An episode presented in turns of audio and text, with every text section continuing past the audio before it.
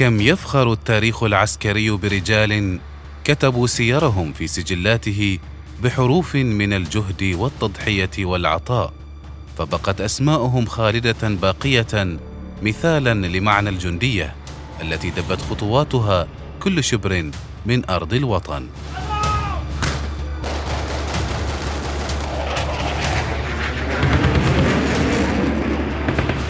جنود برنامج أسبوعي نتعرف من خلاله على الجنود الذين ضحوا بحياتهم من أجل أوطانهم.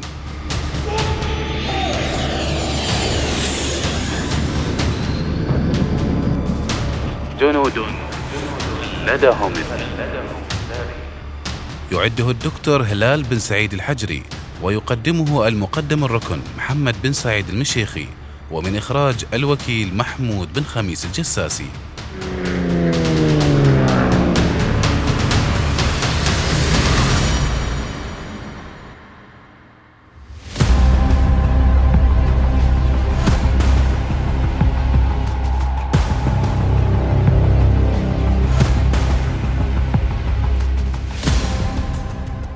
جنود خلدهم التاريخ.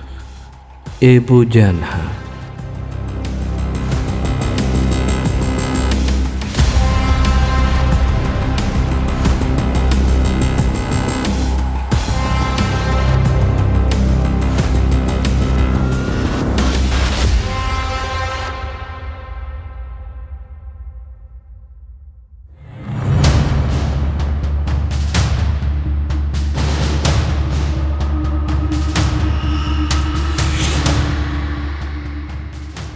خلال الحرب العالمية الثانية كان تجنيد الجنود الغامبيين يتم في كثير من الأحيان من خلال نظام الحصص حيث تم الضغط على 36 زعيما محليا لتزويد بريطانيا بثمانية وأربعين جنديا كل شهر وهو العدد الذي ارتفع إلى خمسة وسبعين في شهر مارس من عام 1943 كما أجرى المسؤولون البريطانيون حملات اعتقال على الرجال العاطلين عن العمل في العاصمة باثورست بانجول الآن لتجنيدهم في الخدمة العسكرية.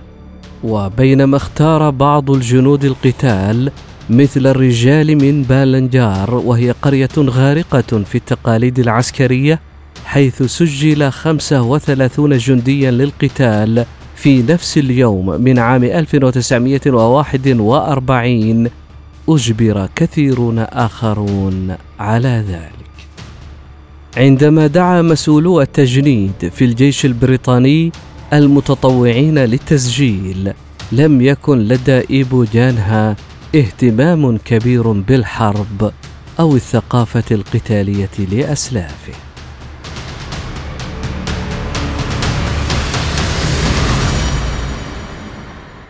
ولد ابنا لصائغ في باثورست وأصبح تلميذا لصائغ الفضة لدى والده. انضم أيضا إلى عائلته في الهجرات الموسمية السنوية في الريف إلى قرية أجدادهم بويام حيث حصد الفول السوداني لبيعه في باثورست مع إرجاع الأرباح إلى تجارة المجوهرات الخاصة بالعائلة. لكن رغبات جانها لم تكن ذات أهمية كبيرة. خلال إحدى هجراته الموسمية إلى بويم اختاره رئيسه بسبب جسمه الممتلئ وعناده مقدرا له أن يصبح واحدا من المقاتلين القلائل في قريته. ومع ربط الحبال حوله لمنع هروبه منح اياما لضبط نفسه وقبول مصيره. أصبح الصائغ الشاب واحدا من أربعة آلاف وأربعمائة وخمسين مجندا مقسمين بين فوجين. فوج غامبيا الثاني الذي بقي في غامبيا للدفاع عن أرض وطنه. وفوج غامبيا الأول 1350 رجلا من بينهم إيبو جانها والذين تلقوا تدريبا على حرب الأدغال قبل أن تضعهم البحرية الملكية على متن قوارب للحرب في بورما ميانمار حاليا التي كانت جزءا من الهند البريطانية في يناير من عام 1944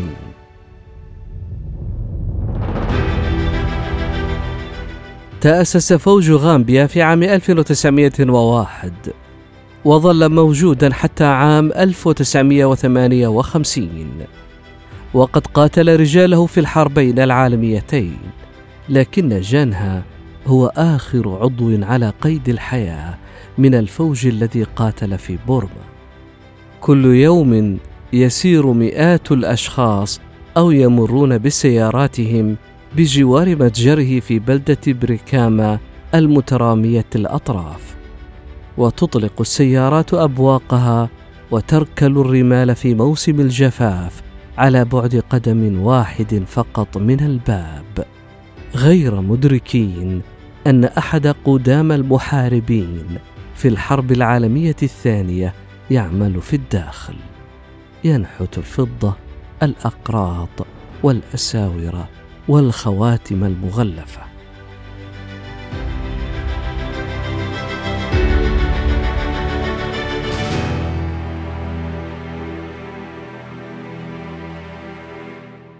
في عام 1942 بعد أن أنهى جانها وبقية المجندين تدريبهم الأساسي منحوا ثمانية أسابيع لإعداد أجسادهم وهو رمز قديم يعني جمع ممتلكاتهم وإعداد وصاياهم وبدء ميثاق جوجو مع المجندين.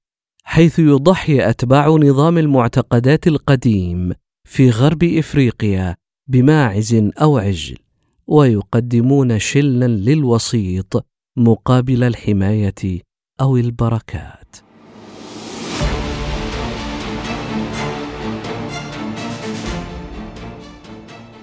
خلال الحرب العالمية الثانية غالبا ما كان لدى الجنود الغامبيون تمائم جوجو متقنة على أحزمتهم.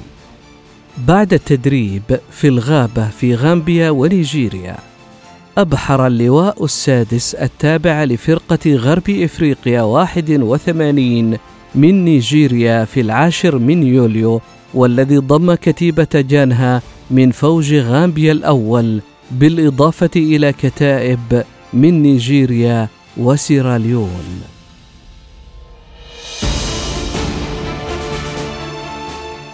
وصلوا إلى بومبي في الهند في الرابع عشر من أغسطس من عام 1943 تبع ذلك ستة أشهر من التدريب قبل أن يسافر اللواء السادس إلى بورما ويقوم بهبوط برمائي بينما قصفت مدافع البحرية الملكية المواقع اليابانية عن بعد. لقد شكلوا جزءا من قوة أطلق عليها المؤرخون فيما بعد اسم الجيش المنسي نظرا لكيفية تجاهل فليت ستريت وبقية الصحافة المعاصرة لعملياتهم في حملة بورما. تم تشكيل الجيش المنسي الذي يطلق عليه رسميا اسم جيش المملكة المتحدة الرابع عشر في عام 1943 لمحاربة اليابانيين في بورما. كان مكونا من 13 فرقة مشاة تضم ما يقرب من مليون رجل بحلول أواخر عام 1944 من فرقتين من غرب إفريقيا وفرقة شرق إفريقيا وثمانية فرق هندية وفرقتين بريطانيتين.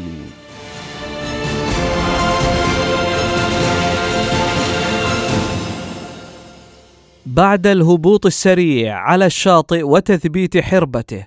سرعان ما كان جانها يشق طريقه عبر الشجيرات الكثيفة متجها إلى القمم شديدة الانحدار والخضراء حيث سيشتبك هو ورفاقه مع الفرقة الخامسة والخمسين اليابانية الهائلة.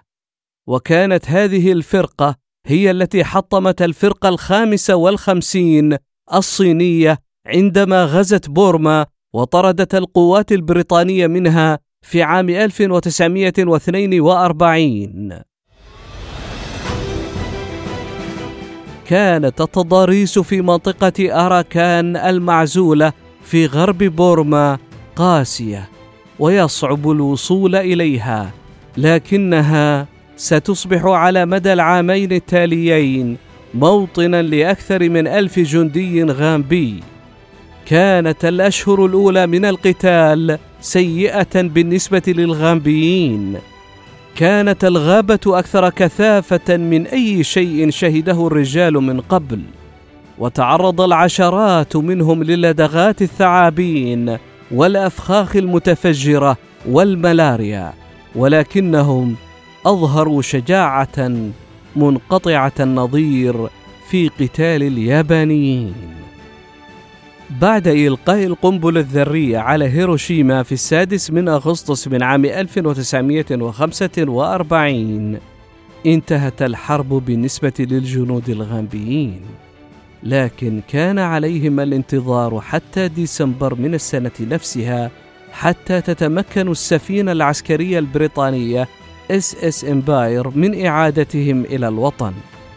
وصلوا إلى باثورس في يناير من عام 1946 وفي اليوم التالي لوصولهم نقلت صحيفة غامبيا إيكو عن نائب الحاكم البريطاني قوله إن كل ما فعلته القوات العائدة كان الحديث والحديث والحديث لكن هؤلاء الجنود المدربين لم يتمكنوا الآن من القتال فحسب.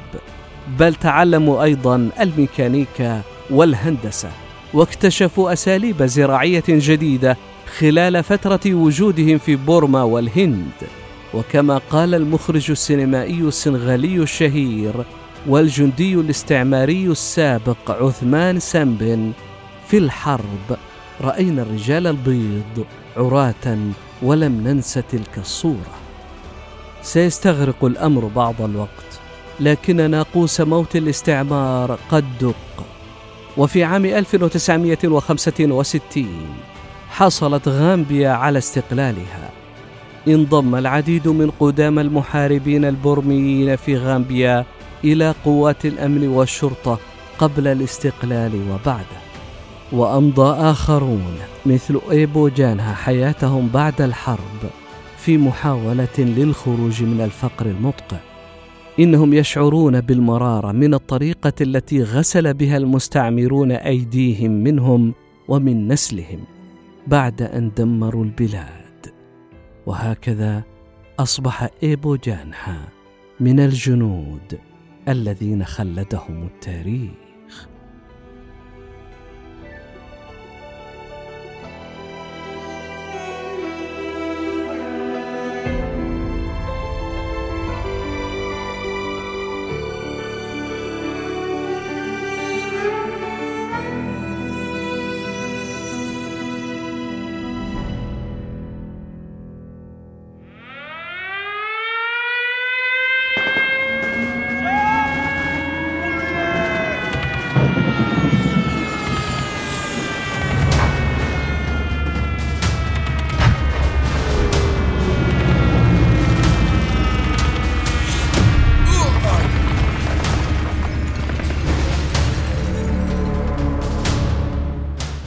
كم يفخر التاريخ العسكري برجال كتبوا سيرهم في سجلاته بحروف من الجهد والتضحية والعطاء فبقت اسماءهم خالدة باقية مثالا لمعنى الجندية التي دبت خطواتها كل شبر من أرض الوطن.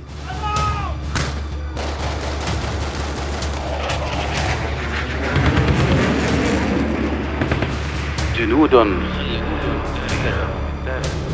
برنامج أسبوعي نتعرف من خلاله على الجنود الذين ضحوا بحياتهم من أجل أوطانهم.